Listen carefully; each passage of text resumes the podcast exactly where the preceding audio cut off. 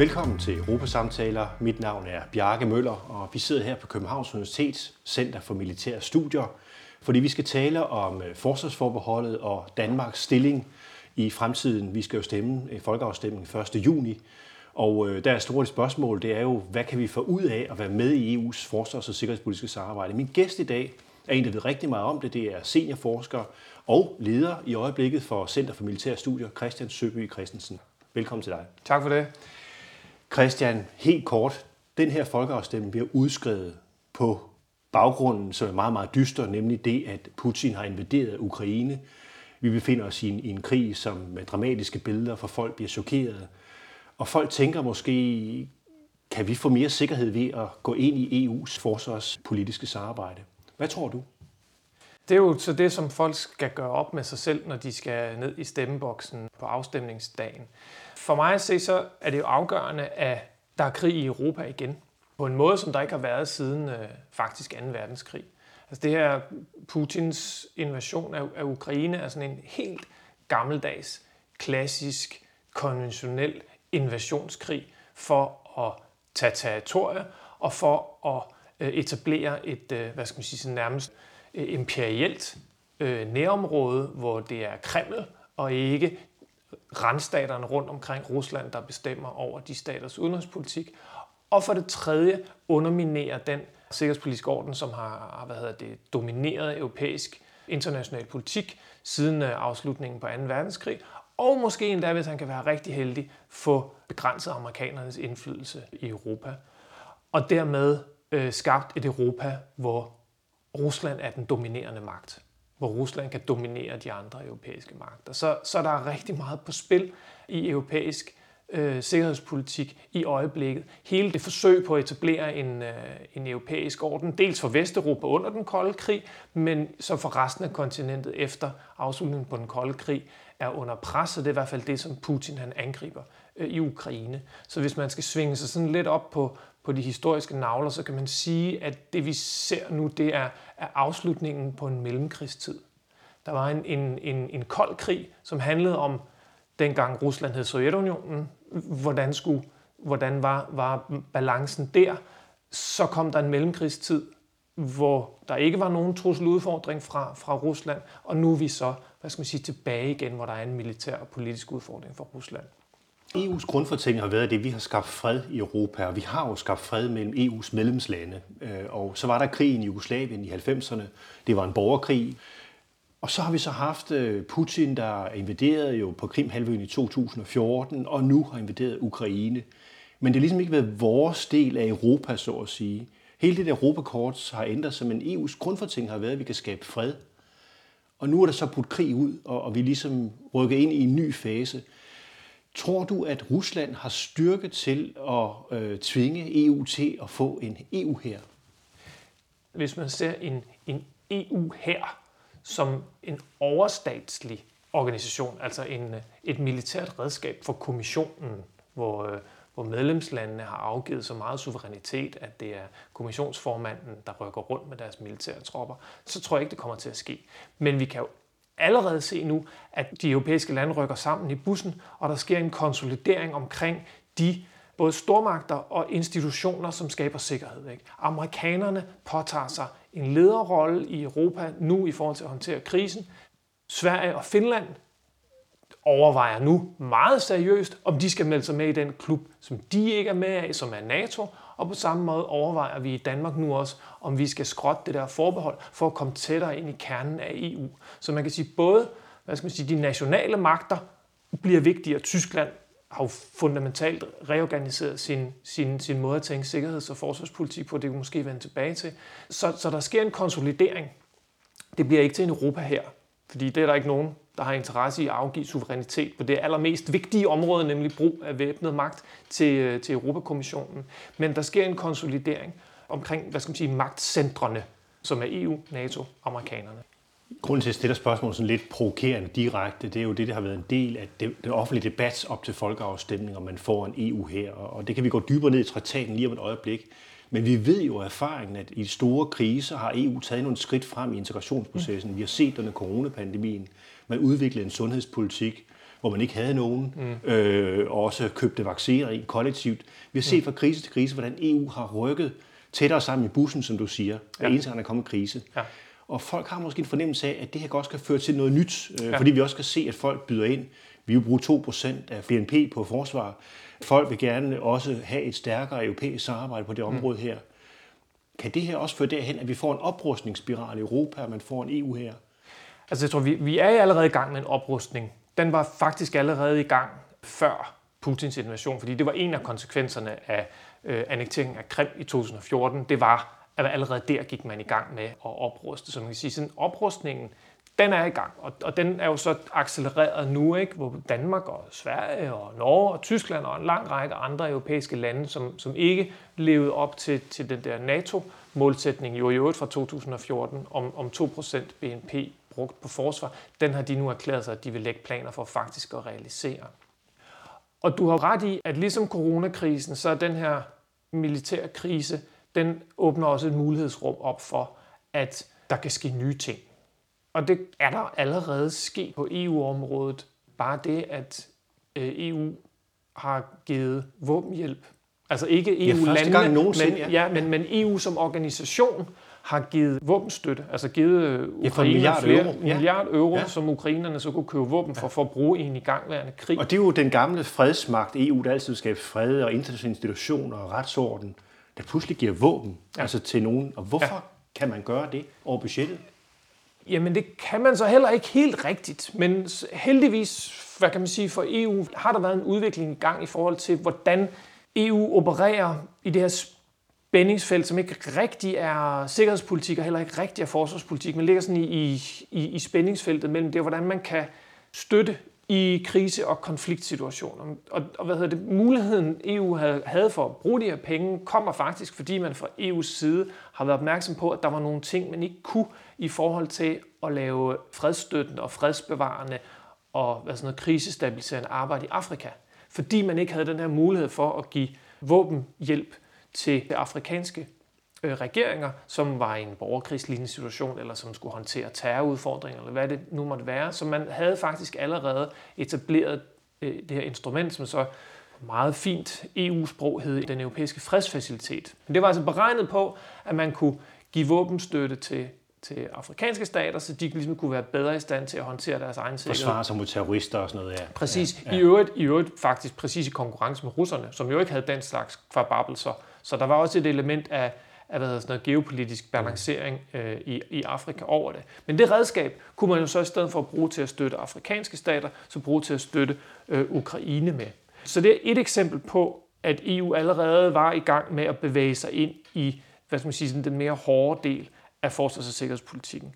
Den her fredsfacilitet er i øvrigt ret interessant, også fra øh, dansk perspektiv, fordi det ikke handler om at styrke EU's egen forsvars- forsvarspolitiske evne, eller EU's eget forsvar, men det handler om at finansiere andre, så er man altså kommet frem til, at den ikke er forsvarsforbeholdsbelagt. Så det, er, det er faktisk en af de ting, som Danmark er, er med i. Allerede, selvom Allerede, vi har selvom vi har forbehold, fordi at argumentet er, at det her handler ikke om at opbygge EU ting på det forsvars- og sikkerhedspolitiske område, men handler om at støtte andre, så kan Danmark altså godt være med. Ja, der er mange overraskende ting, når man dykker ja. dybt ned i ja. materien her. Men lad os lige prøve at kigge på den anden del, som også er debatten, om EU øh, enten kan erstatte eller supplere NATO. Og du, jeg kiggede lige nogle papers, du har skrevet, hvor du blandt andet konkluderer, at øh, det grundløste forestiller sig et europæisk alternativ til NATO. Det er et paper fra 2020, og du siger, at EU så skal satse mere på våbenkontrol og forskellige andre ting og sager. Mm. Kan du ikke forklare det? Helt grundlæggende så er europæisk sikkerhed bygget op omkring den amerikanske sikkerhedsgaranti.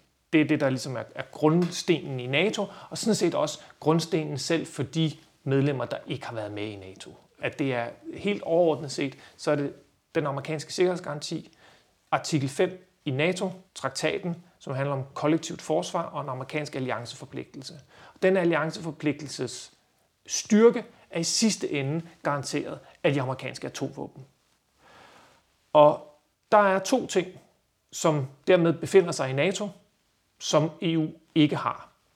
Det er allianceforpligtelsen, altså at der er en traktatmæssig forpligtelse til at hvad hedder det, forsvare hinanden, hvis man bliver angrebet.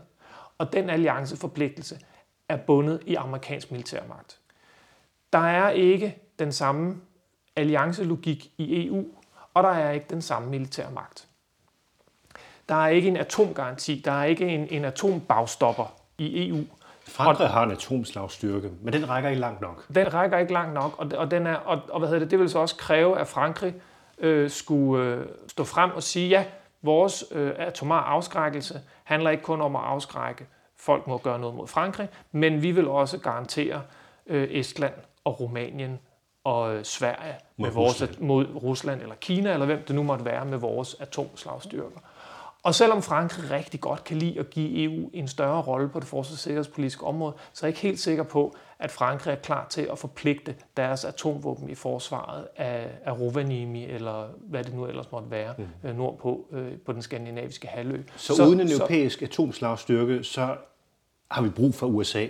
Så har man brug for USA. Man har jo også brug for USA af, af hvad sådan noget, konventionelle militære grunde. Det amerikanske forsvar er, hvad skal man sige, skelettet, hvorpå alt andet hænger, også i, i Europa. Så de europæiske lande har ikke infrastrukturen til at kunne forsvare sig konventionelt. Det kræver USA, og det kræver de strukturer, som det amerikanske forsvar og NATO tilbyder med.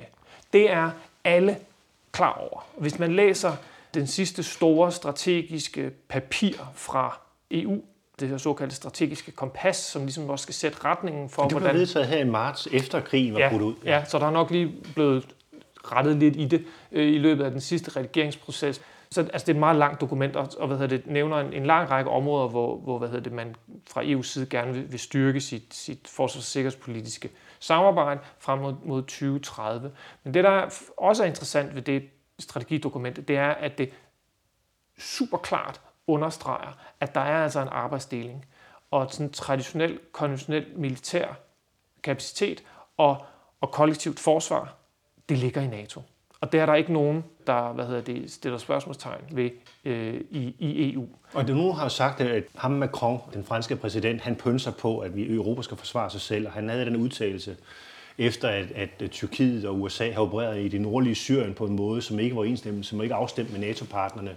Så talte han om, at NATO var hjernedød og sådan ting. Og så lurer han lidt på at lave det europæiske forsvar, der ligesom er afkoblet på USA. Det er sådan en gammel fransk diskussion om antiamerikanisme og alle de der ting. Men han kom med en udtalelse sidste år sammen med Biden, hvor de faktisk anerkender det her, hvor USA anerkender, at EU skal forsvare sig mere. Det er vigtigt med et stærkere EU-forsvar. Men Macron sådan set også omvendt anerkender, at USA stadigvæk skal være til stede, og det er vigtigt at have det tætte relationer til NATO. Og, og man kan sige, det bliver jo understreget ved, ved krigen i Ukraine, at det er væsentligt at have ligesom, den bund, som amerikanerne gør i, i, i europæisk sikkerhed. Det, som der også har været en bekymring, det er, at dels at der har været en bekymring i forhold til, hvad er det Frankrig vil med det her EU? Ikke? Er det et skridt til at få smidt amerikanerne ud af Europa? Hvad hedder sådan noget? Ideen om, at det er en, en, en fransk drøm, som kan blive realiseret, den er i hvert fald blevet mindre med, med krigen i Ukraine. Øh, og, og der er heller ikke, altså alle de østeuropæiske øh, EU-medlemslande vil jo sætte foden ned, øh, hvis ikke Danmark gjorde det, i forhold til at, at, at bygge noget, som reelt var en konkurrence til, til NATO.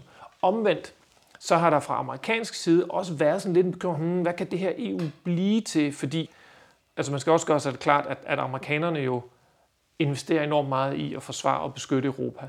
Men med den investering kommer der jo også en masse politisk indflydelse. Så det er også amerikanerne, der hvad hedder sådan noget, sætter scenen for europæisk forsvars- og sikkerhedspolitik. Så, så der har også været sådan lidt en bekymring tidligere fra amerikansk side i forhold til, hvad det her EU, og hvad, hvad, og hvad betyder det så for, for NATO og for vores position i europæisk sikkerhed. Den bekymring er forstummet. At man fra amerikansk side kan se et stærkere Europa på, på en lang række øh, parametre er væsentligt for USA og forudsætning for, at Europa kan bære en større del af sin egen byrde. Altså det er jo det paradoxale fra det amerikanske perspektiv. På den ene side så vil man gerne have europæerne gøre noget mere, men man er også en lille smule bekymret for, at hvis europæerne gør noget mere, så mister man måske også lidt indflydelse på, hvad det så er, de faktisk gør med det mere, de har. Men, man vil også gerne have, at europæerne gør mere, så man har fået mere overskud til, og også at fokusere mere på Asien, og specielt Kina, så er den opstigende supermagt. Ja, lige præcis. Amerikanerne vil gerne kunne trække, vil gerne kunne trække sig fra, mere fra Europa, og de vil faktisk også gerne trække europæerne med ud i verden. Og så er det ikke så afgørende for, for amerikanerne, hvordan det foregår, bare der sker noget. Og, og hvad hedder det? I hvert fald gælder det for den administration, der er nu. i modsætning til den, der var tidligere, Ja, Trump var, var jo meget, meget- skeptisk ja. ja. i forhold til EU. Ikke mente, at det var en, øh, en konkurrent på linje med, med, med Kina og alle mulige andre. Men Og som havde gode relationer også til Putin, og som han be, har beundret. er i oven i købet. sammenhænge. Ikke? Ja, ja. Øhm, så, men, men sådan som det ser ud nu, og hvad skal man sige, sådan establishmentet, hvis vi kan sige, altså også byråkratiet, altså det, det udenrigs- og forsvarspolitiske byråkrati i, De ved, i Washington. Europa, den transatlantiske alliance er enormt vigtig for amerikansk sikkerhed også. Ja, præcis. Ja. Og, og hvad hedder det, ser øh, øh, en styrkelse af EU som en styrkelse af Europa, og dermed også en styrkelse af, af, af den alliance. Det handler også om, at amerikanerne har et ønske om at kunne trække sig delvist fra Europa, men også et ønske om at delvist at kunne trække sig fra Afrika og Mellemøsten. Og der er man klar over, at der, det er der også, at der er en øh, rolle for EU at spille, og det er EU også godt klar over. At man kan ikke regne med, at amerikanerne i samme grad, som det har været tilfældet tidligere, er, øh, tager ansvar og er en medspiller i Europas nærområde. Kan man sige, at, at NATO øh, og EU på en måde altså, bliver flettet sammen her på det her? Altså, vi- jeg har jo set nogle i det der strategiske kompas, men også nævner for eksempel det med altså, mobilitet og sådan nogle ting på tværs af grænserne, altså, så man kan hurtigt flytte tunge våben for eksempel fra vest mod øst eller mod syd. Nogle af de ting er jo vigtige, øh, også cyberkrig og sådan nogle ting, som, som EU gør rigtig meget i, og faktisk mere end NATO har gjort. Altså at man begynder at finde nogle arbejdsdelinger, noget, hvor de blander sig lidt sammen. Ja, ja, det, det er så måske en, en, en anden pointe det er, at Der har også i Bruxelles været sådan en, en konkurrence, eller sådan et dårligt arbejdsforhold mellem EU på den ene side og NATO på den anden side. Det er i, i vidt omfang også en, en, en ting, der hører fortiden til. Så, så der, jeg, jeg vil pege på sådan to, to dynamikker. Det ene det er, at man kan se sådan en arbejdsdeling, hvor NATO kun, eller NATO primært, tager sig af det, der handler om, om det sådan konventionelle kollektiv forsvar. Altså forsvaret af Europa mod Rusland. Og så tager, er det så mere en opgave for EU at tage sig af de hvad skal man sige, mindre konventionelle sikkerhedspolitiske udfordringer, som kommer fra syd i vidt omfang. Ikke? Terror, forskellige former for ustabilitet i Afrika og Mellemøsten. I samarbejde med amerikanere. Så så der, på den måde er der arbejdsdeling der. Men de to organisationer er også afhængige af hinanden, og NATO er i stigende grad faktisk er erkendt, at man også er afhængig af EU, fordi NATO jo kun har altså, konventionelle militære redskaber i sin værktøjskasse. Og sikkerhedspolitik handler jo om mere end kampvogn. Som du siger, det handler om, om cyber, det handler om forsyningssikkerhed, det handler om kritisk infrastruktur, det handler om økonomi, om at bruge økonomi som et, som et redskab, sikkerhedspolitisk eller endda nærmest i sådan en, en økonomisk krig, ikke? altså sanktioner og regulering. Når amerikanerne er bekymrede for Huawei, og at kineserne kommer til at sætte sig på infrastruktur, altså elektronisk infrastruktur, så kan de jo ikke håndtere det i NATO. Så det er jo EU, der er samarbejdspartneren i forhold til at finde ud af, hvordan man, hvordan man organiserer det. Så på den måde så er der også en afhængighed øh, mellem de to organisationer i forhold til at håndtere sikkerhed i Europa. At NATO har den konventionelle militærdel, og EU har så alt det, det bøvlede, som ligger i spændingsfeltet mellem øh, det ene og det andet.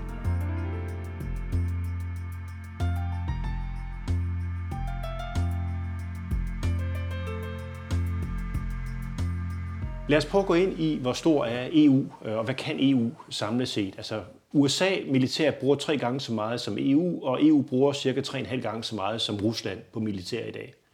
Så man kan jo sige, at, at hvis landene ligesom kunne samarbejde tæt, så vil de jo have muskler nok til at kunne forsvare sig med Rusland. Er det ikke sådan? Både ja og nej. Det, der er udfordringen, både for, for EU og for, for NATO for den sags skyld også, det er, at, at de ikke er et land. Og det betyder, at landene har deres egne sikkerhedspolitiske prioriteter, de har deres egne forsvarsstrukturer, og det betyder, at der er nogle ting, som der er rigtig meget af, fordi sådan nogle vil alle landene gerne have, eller det er inden for alle landenes økonomiske formåen at have det. Men det betyder også, at der er nogle af de ting, som det er nødvendigt at have for for alvor at kunne bruge militær magt, især hvis man skal bruge det i en større konflikt, eller hvis man skal bruge det lidt længere væk fra sit eget land. Og det er i øjeblikket kun USA, der har den øh, infrastruktur, som muliggør, at man kan for alvor bruge militær magt væk fra sin egen grænse. For eksempel den relativt langvarige militære operation, som Frankrig har haft i Mali, og som jo tilbage, da den startede, jeg tror det var i 2011, var sådan et se, IC, hvor vi kan øh, stadigvæk Frankrig øh, gennemføre militære, komplekse militære operationer i Afrika. Jamen det kunne de også, men det kunne de kun, fordi at øh, de havde amerikansk militær infrastruktur at basere sig på. Så der er en lang række af systemer, der muliggør, at du kan bruge militær magt. Som det EU-lande er for eksempel transportfly og sådan noget. Trans- transportfly, kommunikationssystemer, avancerede øh, kommandokontrol, altså fly, der kan overvåge luftrum og kan koordinere og, og, og indsætte militære styrker. Der er en lang række af de her ting, som man ikke, som man ikke har og så det må sige, det er den ene udfordring. Den anden udfordring er, når man, når man bruger sine militære udgifter rundt i i 27, eller hvor mange det nu er, forskellige lande eller forskellige hovedsteder, der nu er, så er det klart, så bliver det heller ikke brugt så effektivt, som hvis de bliver brugt et sted, hvor man både har så kapacitet nok til at købe de store dyre ting, men også kan prioritere kan sige, mere økonomisk efficient i forhold til, hvad det så er, man skal investere i. Jeg har set, at EU-landene har omkring 150 våbensystemer, amerikanerne har mellem 40 og 50 våbensystemer, så der er rigtig mange nationale våbensystemer i EU, ja. så man bruger pengene mange gange dobbelt, så at sige, i Europa. Man kunne måske få mere for pengene. Hvad er det, der sker i øjeblikket i EU? Det er jo, at man har jo det her permanente strukturerede samarbejde, hvor man forsøger at koordinere altså udvikling af nye våbentyper, så man ligesom får fyldt hullerne ud. Og der er 60 forskellige projekter i det her PESCO-samarbejde. Hvad er ideen med det her? Jamen, der er en lang række projekter her. Jeg tror, det, det overordnede, det handler om netop at gå sammen, så man har tilstrækkelig kapacitet, både hvad skal man sige, know-how-mæssigt, og industriel, men også økonomisk kapacitet til at udvikle de her avancerede våbensystemer, som, som det er nødvendigt, at man er i besiddelse af, men også er i besiddelse af kompetencen til at kunne udvikle senere hen, hvis man vil være med i hvad skal man sige, det militærteknologiske kapløb, som jo intensiveres i øjeblikket, fordi USA og Kina først og fremmest ser sig selv som i en, en konkurrencesituation. Det handler grundlæggende også om det her efterhånden betændte franske ord, øh, strategisk autonomi. Men det handler simpelthen om at fastholde, at der er en europæisk våbenindustri. Især Tyskland og Frankrig har tidligere haft øh, deres egen nationale våbenindustri, som de har øh, understøttet, sådan så de havde den. Ikke? Det er sådan også en del af at være suveræn. Det er, at man er i stand til at kunne øh, udvikle og producere våben til sin egen hær. Det er nu for dyrt og for komplekst til, at selv store europæiske lande kan gøre det selv. Så hvis man fra fransk side gerne stadigvæk vil kunne have, have, have hvad hedder det, suverænitet over sine egne militære forsyningskæder, så bliver man nødt til at gøre det i en europæisk ramme. Man bliver nødt til at have tyskerne og italienerne og spanierne og svenskerne og danskerne, for så vidt, at øh, vi kan og vil være med, med til at, at, at gå sammen om at ikke mindst udvikle de her våbensystemer, og efterfølgende også have et marked, som er stort nok til, at det økonomisk kan give mening for de europæiske våbenfirmaer at sælge dem. Det er meget interessant, for da jeg lyttede til Olaf Scholz's vendepunkt, der kom tre dage efter, at krigen i, var brudt ud i Ukraine, hvor han holdt den her tale i den tyske Bundestag om søndagen, der nævnte han jo også noget med, altså både at man skulle styrke det europæiske samarbejde, men han nævnte jo også, at Tyskland vil bruge 100 milliarder euro ekstra på forsvaret i år, op på 2 procent. Men så nævnte han også det her med, at vi i fællesskab i Europa skulle udvikle droner og jagerfly sammen og sådan nogle ting. Hvorfor er det så vigtigt for Tyskland? Fordi de har jo altid været meget tilbageholdende i forhold til det militære og altid tænkt meget europæisk. Hvorfor tænker de også nu i udvikling af militære systemer osv. sammen med de andre europæere? Det gør de, fordi at Tyskland på den ene side laver det her 180 graders kursskifte, hvor man erkender, at man bliver nødt til at se sig selv som en, som en sikkerhedspolitisk eller en geopolitisk aktør, og bliver nødt til at bruge den tyske økonomiske magt og veksle den til en militærmagt. Men man er stadigvæk Tyskland. Så det dur jo ikke med den tyske selvforståelse, hvis man går i gang med en national, unilateral tysk oprustning af historiske grunde. Så det skal forankres i Europa. Eller det skal forankres et eller andet andet sted. Selv i Tyskland er man jo også en lille smule krammer, så når man nu skal bruge så mange penge, så ville det måske også være smartest, hvis de blev brugt på tysk industri. Og der kan man ligesom sige, at der kan man få det bedste af begge verdener, det er, hvis man gør det i en, i en EU-ramme. Så kan man både vise, at man er en god europæer, og hvad hedder det, fortsætte den proces, der har været i gang i Europa i forhold til at styrke den europæiske øh, forsvarsteknologiske øh, udvikling. Og man kan samtidig også styrke den tyske forsvarsindustri, som vi skal huske altså er, er substantiel og har været det har været det længe. Ikke? Så, så det handler også om, om økonomipolitik. Passer også ind i en, i en udvikling, som har været i gang øh, i EU i en årrække, at man fokuserer mere på industridelen af forsvarspolitikken. Og der er jo interessant i forhold til det danske forsvarsforbehold, fordi hvad kan vi få ud af at, at afskaffe det her forbehold? Det er jo et af de afgørende spørgsmål her. Hvad synes du helt grundlæggende, at vi får ud af, hvis nu for eksempel vi siger, okay, vi vælger at sige, vi går fuldt og helt ind i forsvarssamarbejdet. Hvad er det, vi får mere? I dag der kan vi jo godt være med i de der industrielle samarbejde, som Forsvarsfonden udlodder, og danske virksomheder kan komme med, fordi det ligger rundt det indre marked. Så hvad er det egentlig, Danmark kan få mere ud af at være med i det her forsvarsarbejde? Så konkret i forhold til det, så er det så i forhold til, til hvad sådan noget, industripolitikken, så er det rigtigt, at de danske virksomheder kan være med, men den danske stat kan ikke være med. Der er nogle af de her samarbejder, hvor man får nogle penge med af sin stat, ikke? At, den, at den kofinansierer noget af det. Det kan Danmark ikke. Og Danmark så det vil sige, med til at tage beslutningerne. Det er jo så den anden pointe, det er, at vi er ikke med i den politiske dele af det. Den del af af samarbejdet, hvor, hvor man beslutter, hvad er det for nogle ting, vi skal fokusere på, hvor, hvad, er, hvad er retningerne, hvad er det for nogle teknologier, vi vil, vi vil understøtte, hvad er det for nogle militære kapaciteter, vi synes, der er vigtige, hvad er parametrene for dem. Det er nogle beslutninger, som bliver taget i nogle beslutningsrammer, hvor Danmark ikke er med. Det er jo det klassiske øh, ja-argument mod forbeholdene. Ikke? Det er, at vi sætter os selv uden for døren og sætter os selv uden for det rum, hvor beslutningerne bliver taget. Og det gælder selvfølgelig både i forhold til sådan nogle, de mere sådan konkrete beslutninger, i forhold til, hvordan, hvordan skal pengene så bruges, øh, men jo også i forhold til, hvordan kommer det her så til at udvikle sig i fremtiden. Og det er jo det grundlæggende, det grundlæggende skisma, ikke? hvordan vil man forholde sig til en usikker fremtid? Vil man gøre det ved at gå ind i rummet, eller vil man gøre det ved at holde sig ude af rummet? Og begge dele er jo hvad hedder sådan noget, valide strategier. Der har været en tendens til, at Danmark ligesom har arbejdet sig rundt om det her forbehold i nogle år. Altså, vi har været med i nogle andre initiativer, europæiske initiativer. Vi er med i det, der hedder EI2, som er en interventionsstyrke, som Macron tog initiativ til, som blev oprettet i 2018, hvor Danmark gik med i, i det her, som også kan tage out of area, altså uden for Europa, kunne lave operationer, for eksempel i det centrale Afrika, hvis man for eksempel er terrorister og sådan noget. Mm. Og så har vi også med det her FNC, som er et tysk initiativ, sammen med Polen, og vi er med i en tysk, polsk, dansk kommando, eller jo et kvarter i, i Stettin. Så vi har været med i nogle forskellige typer militære samarbejde, men der er også noget, vi ikke har kunnet. Hvad er det, vi ikke har kunnet, altså rent øh, i forhold til det militære, som har været et problem i forhold til dansk forsvars- og sikkerhedspolitik? Logikken har været, at når det har været med militære operationer, som er, som er organiseret og, og ledet af EU, så kan, kan Danmark ikke være med. Når man fra dansk side gerne vil være en, når man gerne vil føre en aktivistisk udenrigspolitik, hvor man aktivt øh, bidrager, aktivt deltager, i den fælles sikkerhed og, og gerne vil bruge det militære redskab i den forbindelse, så sætter det selvfølgelig nogle begrænsninger på, at man kan være, være med. Og der er nogle eksempler på det. Tilbage i, i tiden overtog EU ansvaret for stor del af de fredsbevarende styrker, der var på Balkan. Øh, og det betød jo så... Men der var vi med i NATO. Der var vi med i NATO, og så overtog EU fra NATO, og det betød så, at, at de danske styrker pænt måtte rejse hjem. Og bidrag til Balkan var en stor politisk ting øh, i dansk forsvars- og sikkerhedspolitik på det tidspunkt. Så det er et af de større historiske eksempler. Et, et, Hvor vi ikke et, kunne hjælpe med at skabe fred. Simpelthen. Præcis.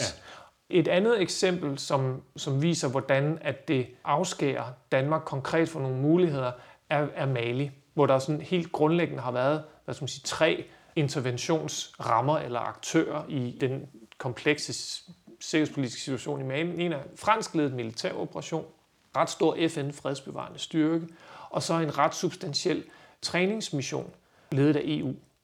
Og der kan man sige, okay, fra dansk side, vi har en interesse i, at vi gerne vil, vil bidrage til at skabe sikkerhed i Mali. Der er de her tre muligheder, men for Danmark er der kun to.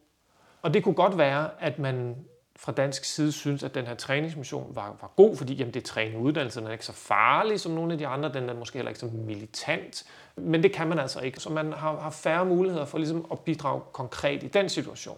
Så der er nogle, nogle militære operative muligheder, hvor Danmark så bliver nødt til at trække sig. Jeg har også læst et andet øh, forskningspapir, du skrev, der hedder, handler om aktiv afventning og det nordiske perspektiv, hvor, hvor Finland og Sverige og som to neutrale lande har været med i EU's forsvarsarbejde. Og vi har sådan set set Norge, der har været med i en kampgruppe, og, og prøver også at koble sig på forsvarsfonden og sådan ting. Men Danmark har ligesom ikke rigtig kunne agere fuldt ud i det. Det har også haft nogle konsekvenser for vores nordiske muligheder, øh, også samarbejde i internt i Norden. Kan du ikke lige forklare lidt om de problemer, der har været der?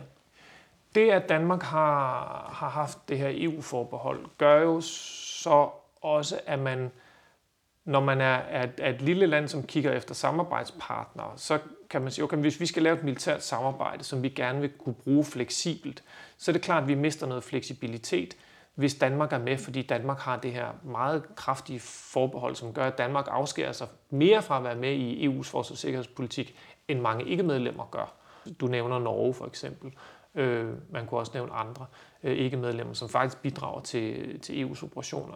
Så hvis man nu for eksempel forestiller sig et fælles nordisk militært bidrag, som man gerne vil stille til rådighed, så hvis Danmark er med, så kan man jo så ikke stille det til rådighed for EU.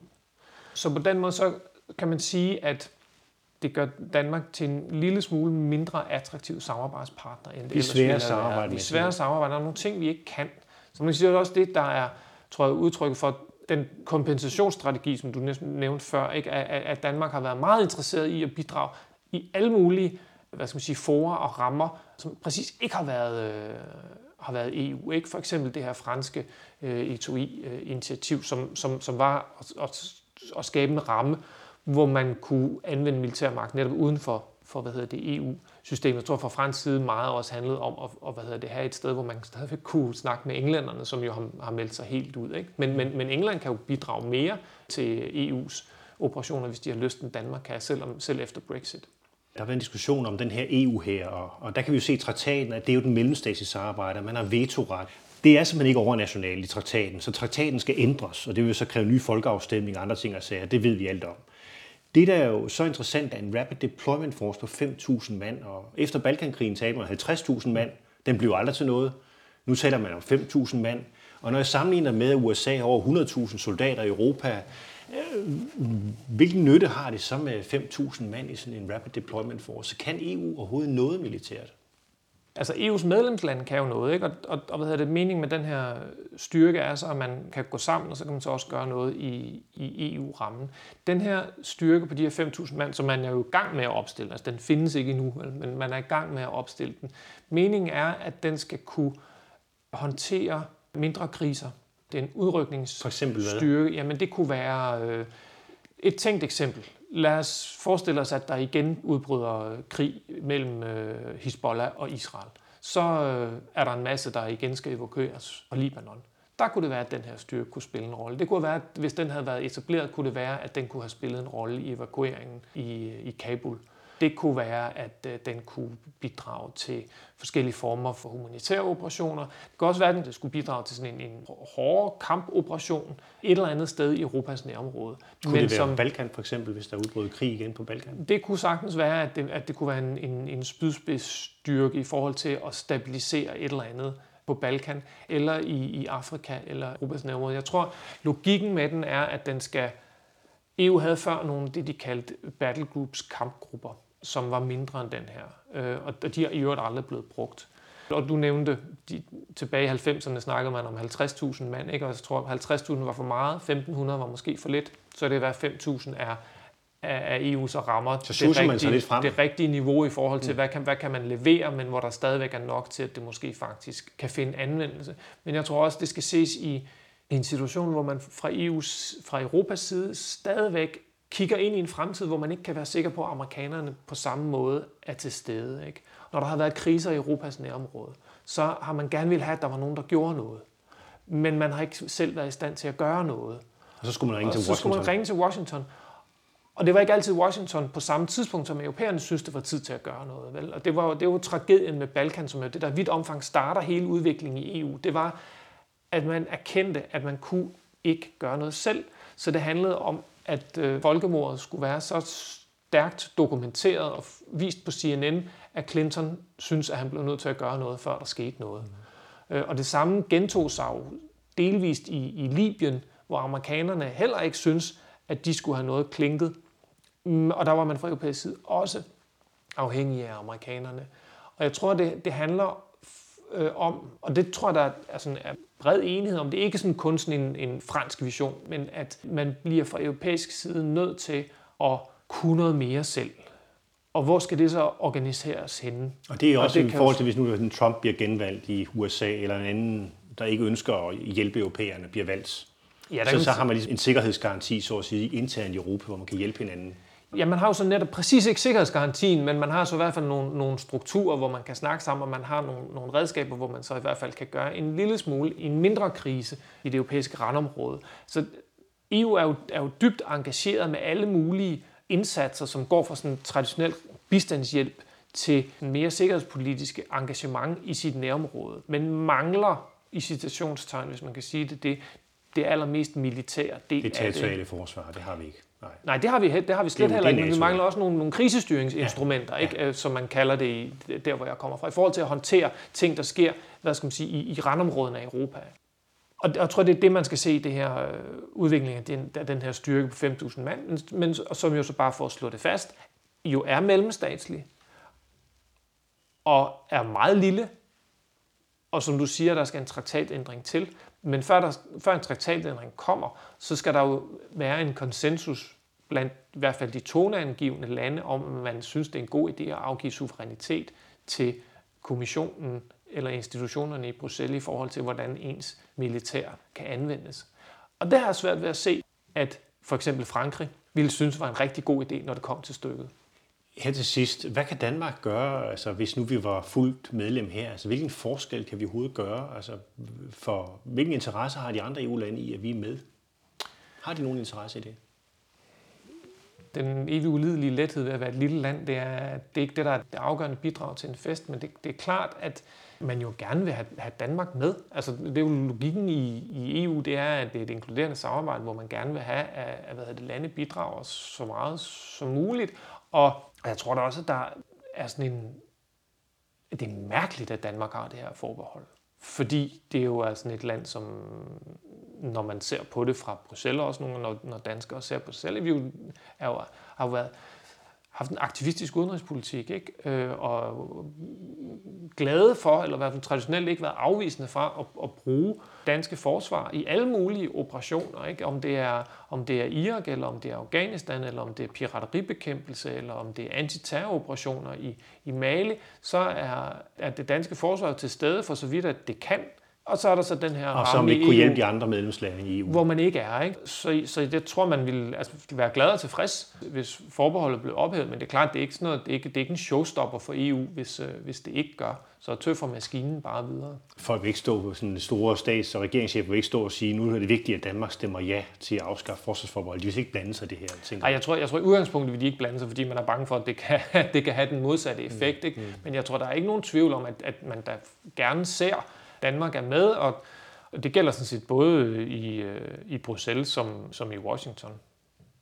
Også i Washington? Ja, jævnfør øh, det vi snakkede om tidligere, amerikanerne vil gerne have styrket EU, og man kan sige, det gør jo også, hvad skal man sige, snævert set gør det jo også Danmark til en mere interessant aktør for Washington, hvis vi er med i begge rammer.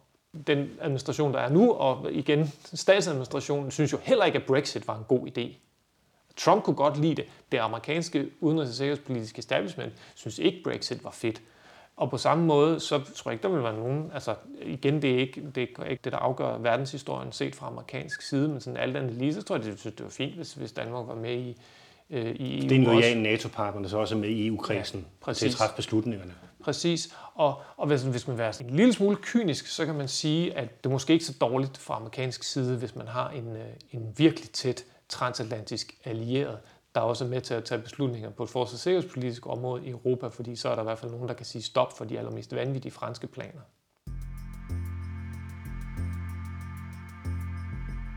Ja, her til sidst hørte du Christian Søby Christensen, der er leder for Center for Militære Studier på Københavns Universitet.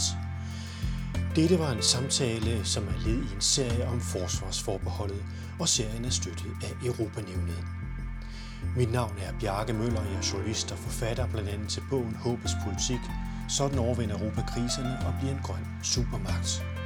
Musikken, du hørte i udsendelsen, er komponeret af Christian Møller Monar. Tak fordi du lyttede med. Næste gang har vi en samtale med Holger K. Nielsen, der er en af fædrene til forsvarsforbeholdet. På genhør.